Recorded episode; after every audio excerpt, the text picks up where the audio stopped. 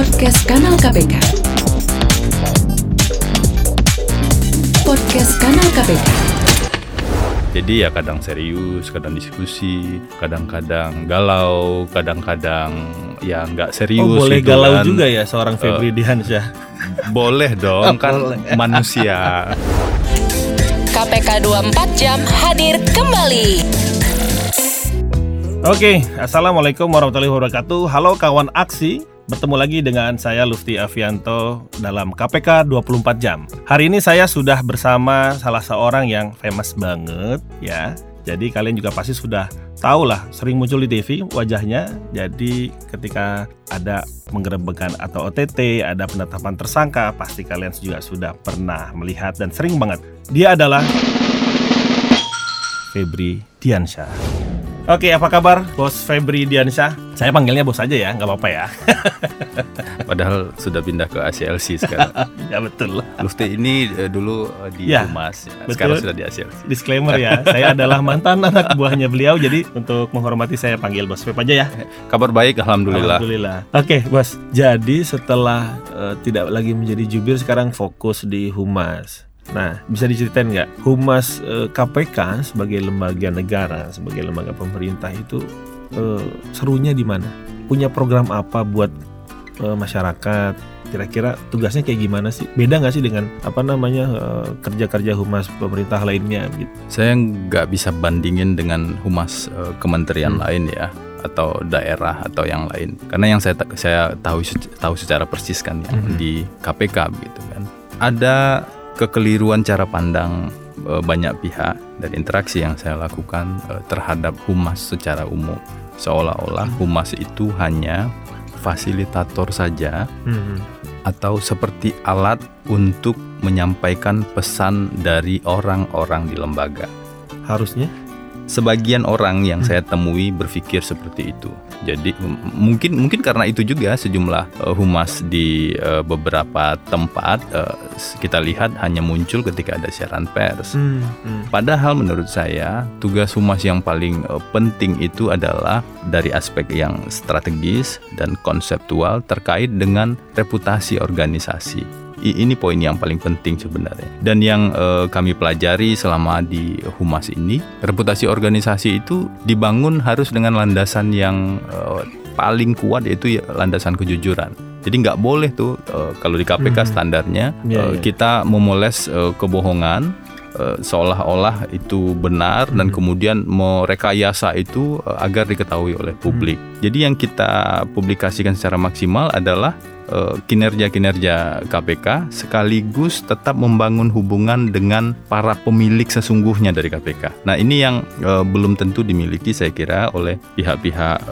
lain kesadaran bahwa pemilik, pemilik sesungguhnya dari sebuah instansi negara itu adalah masyarakat. Jadi eh, memang harus didengar suara dari masyarakat, masukan dari masyarakat. Mereka kalau nggak peduli dengan sebuah lembaga, artinya mereka sudah tidak merasa memiliki. Jadi ketika mereka mengkritik, sebenarnya mereka peduli dan merasa memiliki dengan KPK. Nah ini yang juga perlu dibangun karena itu di eh, ortaka kita ya, di struktur aturan tentang struktur kita disebut memang kita eh, diberikan ruang untuk membangun dengan stakeholder, stakeholder KPK begitu. Apakah institusi negara Mhm. ataupun masyarakat atau yang lain. Hmm, Jadi stakeholder utama dari Humas sendiri kan masyarakat itu sendiri juga ya. Selain media tentu saja sebagai partner kerja bahwa uh, pemberantasan korupsi ini juga harus didengungkan ke wilayah yang jauh lebih luas gitu ya Mas ya.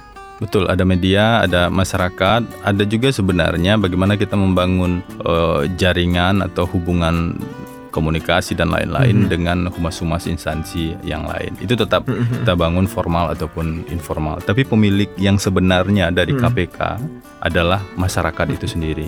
Nah begitu pandemi ini sekarang lagi kondisi seperti ini. Apa strategi Humas KPK untuk menyiasati? Tentu saja banyak program yang sudah Mhm. disiapkan kan Bos. Gimana?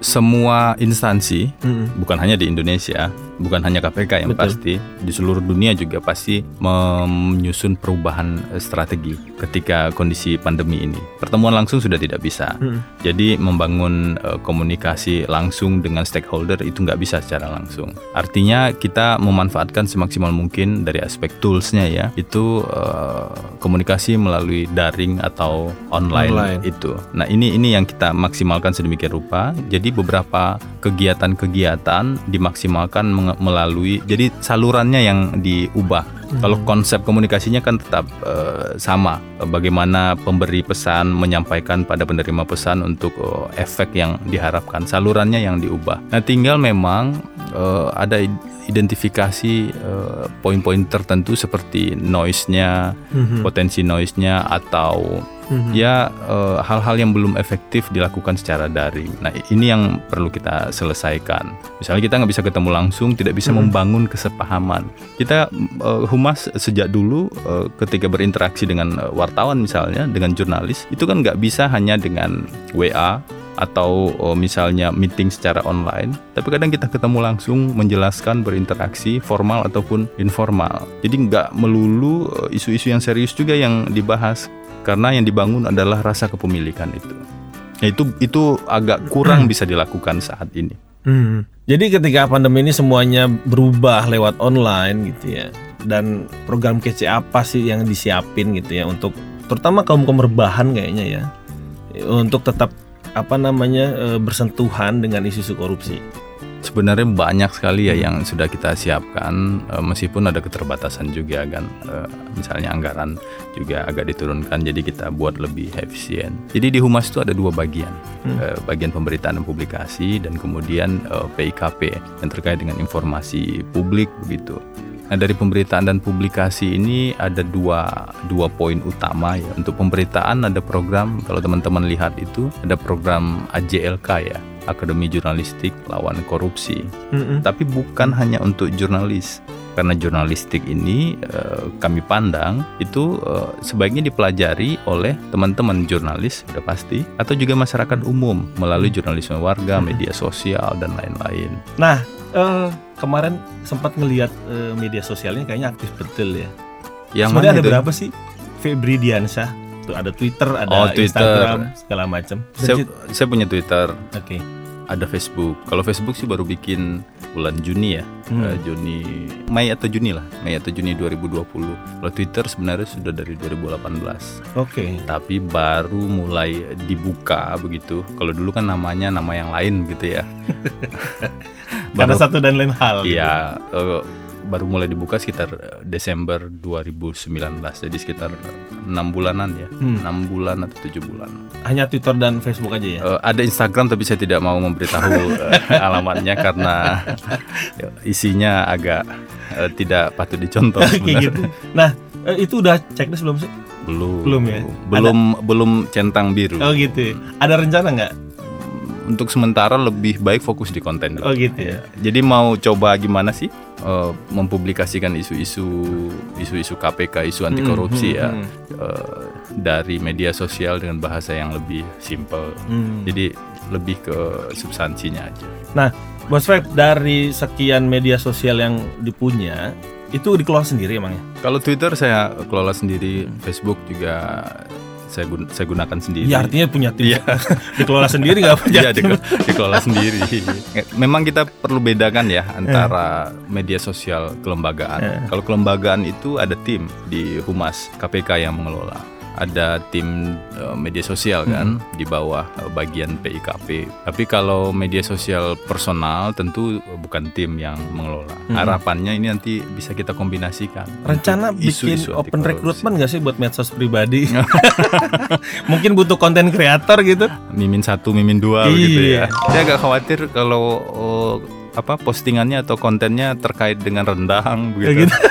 atau makanan eh, khas Padang lain kan itu kadang-kadang Hmm. seleranya beda Nah, itu isinya harus serius nggak sih? enggak Enggak dong ya?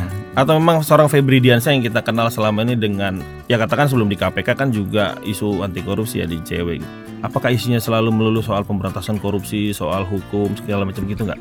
Hmm, justru enggak Enggak. karena yang saya pelajari eh, dari teman-teman tim medsos di KPK justru eh, nggak melulu serius. Ini kan bukan seperti lembar eh, publikasi yang hanya menonjolkan apa-apa yang misalnya aspek-aspek serius saja atau hal-hal yang kita inginkan saja di- diketahui orang. Tapi justru rasanya ya, rasanya masyarakat itu atau netizen itu uh, lebih ingin mengetahui apa adanya tentang uh, kita. Jadi ya kadang serius, kadang diskusi, kadang-kadang galau, kadang-kadang ya nggak serius. Oh boleh gitu galau kan. juga ya seorang Febri Diansyah. Boleh dong, kan Boleh. manusia. Sisi kemanusiaannya terutama. Oke. Jadi kalau ada orang berpikir menurut saya Mm-mm. ini ya, kalau ada orang berpikir eh, mau bikin media sosial eh, pejabat publik begitu ya, dan kemudian dia berpikir eh, media sosial pejabat publik ini harus menunjukkan sisi serius saja, Mm-mm. eh, justru eh, interaksi dengan masyarakatnya tidak akan Oh. maksimal di Anda sana. begitu memperhatikan eh, follower Anda ya berarti. Ada yang dikenal, ada yang tidak Oke. dikenal. Saya tandain sih yang Oke. beberapa yang dikenal. Apalagi Contohnya? kalau eh, Twitter eh, Lufti Af- Afianto begitu ya. Saya tahu Twitternya yang mana begitu kan. Sekaligus ngelihat ini anak humas ini nge-tweetnya Oh ngapain gitu. aja gitu. Apa aja isinya ya? Oke, nah eh, sekarang kan sudah totally di kepala Biro Humas ya. Hmm. Itu sebenarnya kita mau flashback dulu. Dulu ceritanya waktu masuk sebagai eh, juru bicara itu gimana, Bos? Juru bicara itu 2013 ya. Dari 2000 Eh, 2016. 16. 2016. akhir. Hmm. Saya sebenarnya masuk KPK 2013 sama kan kita masuk KPK-nya gitu ya. Nah, setelah menjalani peran sebagai juru bicara, enak gak sih? Seru gak sih? Asik gak sih sebetulnya? Keseruan menjadi juru bicara itu hanya terjadi pada enam bulan pertama. Oh gitu. Jadi saya sarankan pada teman-teman yang mau menjadi juru bicara, eh, jangan berpikir hanya melihat yang di depan TV saja, gitu kan. Jadi keseruannya enam bulan pertama atau maksimal satu tahun pertama. Setelah itu Setelah itu ada keseruannya, tapi mungkin lebih banyak eh, stresnya ya. ya penuaan dini, Penuaan mungkin ya dini. penuaan dini. Tapi Uban tetap aja kayaknya di chat apa gimana sih? sudah berkurang, Oh, berkurang. sekarang. Jadi sejak tidak Eh. menjadi juru bicara, saya perhatikan itu intensitas pertumbuhannya Oh, agak oke. berkurang. Jadi rambut itu juga sebenarnya mengerti ya. Iya, dia paham sekali. Oke, bagus sekali. Iya, agar rambutnya. kita jujur sebenarnya pada publik. Tapi kan nggak boleh dicat, Oke. apalagi cat hitam. Nah, bos, ketika eh, jadi juru bicara tuh kan pasti ngadepin orang dengan banyak eh, tingkat emosional yang berbeda-beda ya. Kalau si apa kalau kita perhatikan di banyak eh, apa namanya tayangan, kok bisa setenang itu ya? Orang-orang pasti selalu bertanya soal itu. Itu ada triknya atau memang pembawaannya begitu? Ada yang nanya waktu program tanya jubir pertama ya Hmm. di Twitter KPK begitu. Saya jawab aja banyak-banyak minum air putih Oh, begitu. gitu. Tapi itu membantu. Minum air putih itu kan menenangkan ya. Tapi kalau kebanyakan nanti kan malah eh, pengennya ke toilet. Tapi memang eh, pada akhirnya kemudian bisa menikmati peran itu ya, walaupun kita eh, tahu ya bahwa tugas itu juga cukup berat gitu menghadapi wartawan setiap hari kan, 24 jam lagi sama seperti KPK 24 jam ini kan, pagi Oh siang ini sore, acara malam. KPK 24 KPK jam 24 ya. jam. Luar biasa emang. Jadi kita keluarnya oh, udah subuh. Nah, makanya sengaja dibikin hitam gitu background Ya. eh, Jadi di studionya. ya ketika itu apa namanya ada trik-triknya selain minum air putih. Kalau soal ketenangan sebenarnya dalam tanda kutip kita dipaksa untuk harus tenang Hmm. ya. Walaupun tahu sendiri kan narasumbernya ya. Forum forum forumnya Ya. bisa macam-macam. Menghadapi kalau menghadapi teman-teman wartawan yang ada di KPK yang eh, paling penting sebenarnya kesiapan substansi. Karena mereka paham betul. Mungkin kita baru menjadi juru bicara tahun 2016 misalnya atau nanti ada juru bicara yang baru gitu. Eh, mungkin saja baru menjadi juru bicara tapi wartawannya sudah liputan di sini bahkan sejak KPK ada. Misalnya bisa dua tiga tahun lima tahun. Artinya dia lebih jauh lebih paham. Bahkan lebih galak kan. Karena dia paham itu. Dia paham itu. Jadi pertanyaannya, tapi bagus ya itu un- dalam konteks eh, mengawasi kerja KPK juga. Mm-mm. Jadi wartawan di KPK yang saya lihat selama tiga tahun itu lebih intens ya saya melihat itu justru mereka mau jaga KPK sebenarnya. Mm-mm. Menjaga KPK itu dalam artian membangun trust publik juga dari kinerja KPK. Tapi kalau ada kekeliruan, ada kritik dari masyarakat, itu disalurkan melalui eh, media, melalui teman-teman jurnalis tersebut. Nah harapannya ini peran ini memang terus dilakukan. Nah yang menjadi tantangan memang eh, juru bicara kan tidak hanya menghadapi wartawan, Mm. tapi juga berinteraksi dengan banyak orang eh, dalam dialog, dalam dialog yang dialog kecil begitu dua atau tiga narasumber atau dialog besar mungkin yang bisa lebih dari Mm. 10 narasumber dengan berbagai eh, isu dan isu yang ditangani KPK meskipun hanya satu kasus korupsi misalnya itu isunya bisa apa saja bisa isu politik bisa isu lingkungan bisa eh, banyak hal lah eh, pencucian uang atau isu-isu lain yang remeh temeh tapi multi multi perspektif sebenarnya. Nah tantangannya di sana Hmm. memahami substansinya dan sebenarnya kalau ditanya bagaimana caranya anda bisa eh, tenang ketika menghadapi orang sederhana saja. Ya selain dimulai dengan Bismillah ya. Dan diakhiri dengan alhamdulillah. Eh, ketika orang bicara dengarkan saja. Jadi eh, nggak perlu Ya, ya. terpancing harus membantah pada saat itu juga karena ketika anda Hmm. terpancing anda masuk pada kerumitan komunikasi itu Ya, yang saya rasakan begitu jadi dengar saja catat poin-poin paling pentingnya catat poin-poin yang keliru yang disampaikan oleh narasumber eh, dan kemudian klarifikasi Hmm. itu secara tenang Itu bagus sekali ya. Jadi hasil dari pengalaman atau memang sebelumnya tanya-tanya sih atau dari apa eh, bertanya ke juru bicara sebelumnya kah atau dari pakar komunikasi gitu belajar dulu nggak sempat? enam bulan pertama itu saya belajar jadi makanya saya bilang saya sering kontak eh, Mas Johan kan waktu itu Mm-mm. karena bagaimanapun juga branding lembaga ini dulu Mm. di awal kan di Mas eh, Johan nah saya tanya-tanya dan juga ngobrol dengan teman-teman wartawan wartawan cetak wartawan TV dan juga teman-teman PR gitu ya Hmm. Eh, sering tanya begitu dan saya disarankan begini di awal-awal. Eh, Feb, coba lihat ketika misalnya kamu selesai eh, dialog di televisi, coba lihat tonton lagi secara detail eh, video tersebut. Nah, kamu akan merasakan di bagian mana eh, kekeliruannya gitu kan. Jadi bukan melihat eh, dan kagum dengan video sendiri ya, Hmm, hmm, tapi mencari eh, kekurangan atau Hmm. mengevaluasi yang perlu itu diperbaiki begitu. enam bulan pertama sampai satu tahun pertama saya cukup eh, intens untuk memperhatikan itu Hmm. dan di eh, tayangan berikutnya saya akan perbaiki Hmm. misalnya yang paling sederhana adalah ketika kita terlalu banyak ngomong eh jadi eh, Oh gitu. itu kelihatan sekali dan akhirnya eh, Hmm. saya menggantinya dengan menarik nafas misalnya Nah, tapi kalau di sini kedengaran itu tips ya Oke, atau oke. eh, kadang kalau isunya agak rumit dan eh, kepentingannya sangat kompleks, kadang saya ganti dengan kata lain tentu. Oh, Oke, Jadi itu kalau yang anda kemarin sering ya. mendengar itu, betul betul. ya, itu sebenarnya salah satu Oke, tips. Oke, berarti itu yang eh, disampaikan teman-teman kawan aksi juga mungkin sering melihat itu ya, tentu, Tentu, gitu ya. Itu jadi- jadi trademark anda ya begitu ya kemudian. Eh, bukan, bukan, bukan. Tapi ada waktu sekitar sepersekian detik Untuk untuk, berpikir. berpikir, hmm, Oke, mana jawaban sekali. yang paling tepat. Saya setuju bagian itu. Nah, ketika jadi jubir, kemudian ada nggak sih pengalaman yang nyenengin selain ya berfoto dengan para ibu-ibu yang ngefans banget ya? kan kayaknya kalau ke mana-mana tuh pasti ibu-ibu pasti minta foto ya dengan eh, Bapak Febri Diansyah gitu. Saya percaya eh, ibu-ibu atau bapak-bapak atau anak-anak yang minta foto bareng itu sebenarnya eh, mereka sedang membangun mimpi tentang Membangun. Indonesia yang lebih baik. Wah indah sekali. Karena pemberantasan korupsi kan salah satu yang Hmm. diharapkan bisa bekerja. Sampai sekarang saya kira Hmm. juga masyarakat berharap ke itu.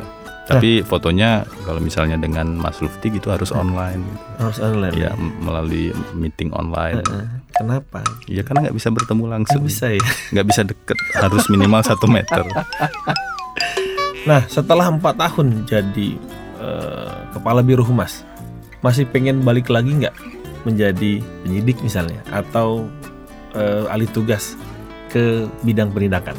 Sangat ingin. Sangat ingin. sebenarnya sangat ingin. Tapi apakah mungkin itu uh, Hmm. hal yang lain gitu kan? Apakah mungkin ini dalam konteks regulasinya atau juga dalam konteks apakah me- saya masih bisa berkontribusi secara lebih signifikan? Jadi pertanyaannya sesederhana itu sebenarnya. Anda mau ditugaskan di mana mau di humas, juru bicara, eh, di penindakan, atau bahkan di eh, pencegahan, atau bahkan di luar KPK, pertanyaannya sederhana. Apakah di tempat tersebut kita bisa berkontribusi secara signifikan atau tidak untuk pemberantasan korupsi? Pertanyaan tertutup. Kepala biro humas atau juru bicara? Kepala Biro Humas. tugas saya sebagai juru bicara sudah selesai. Sudah selesai. Itu sudah saya sampaikan secara clear pada Oke. Desember 2019 lalu. Tapi keluarga happy nggak sih ketika sudah tidak menjadi juru bicara lagi?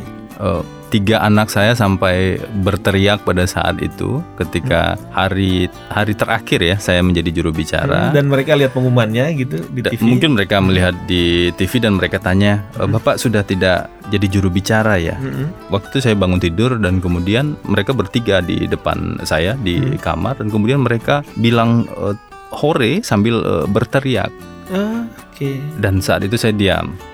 Mm, Apa sekian lama saya menjadi juru bicara e, waktu untuk mereka, mereka kemudian e, tidak bisa saya tersita. berikan secara maksimal. Oke. Itu yang saya rasakan pada har- satu hari setelah saya umumkan ke publik bahwa tugas saya sebagai juru bicara selesai. Jadi jiwa keayahan Anda eh, memberontak ya kemarin itu.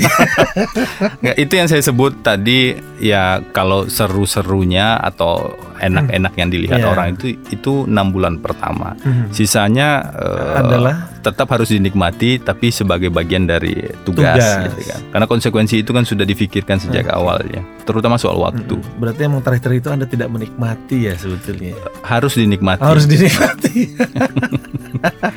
Tapi menikmati itu kan bukan hanya urusan pribadi Hmm. ya, tapi juga eh, urusan yang jauh lebih Hmm. penting itu kontribusi pada lembaga atau pada publik. Kalau masih bisa kontribusi Hmm. ya kita lakukan. Tapi sempat nggak sih ngerasain jadi orang yang sangat populer gitu? Maksudnya ketika di jalan acara keluarga sih sebetulnya misalnya. Tapi orang kemudian eh itu Febri loh, Febri dia salah. Nggak, mereka nggak tahu kalau saya Oh, lagi di jalan. Waktu saya naik KRL misalnya, Oh gitu. iya mereka malah menjauh. Mungkin karena saya pakai topi, pakai Hmm. jaket bu- Takut ya sebetulnya. jaket jaket buluk begitu ya, dan tidak pakai kacamata. Mhm. Eh, saya nggak tahu orang saya saya kira orang mungkin nggak tahu Hmm. kecuali yang pernah interaksi ya Mhm. yang pernah ketemu yang pernah ketemu atau dengar suara biasanya tahu tapi kalau saya diam aja mereka relatif nggak tahu Eh, jarang kalau di apa di luaran seperti itu Oke, ini pertanyaan terakhir banget bos. Ada yang berbeda nggak sih seorang Febri Diansah yang dulu saat masih di layar kaca dengan Febri Diansah yang sekarang? pasti berbeda Hmm, apanya? nggak ada di layar kaca lagi ya.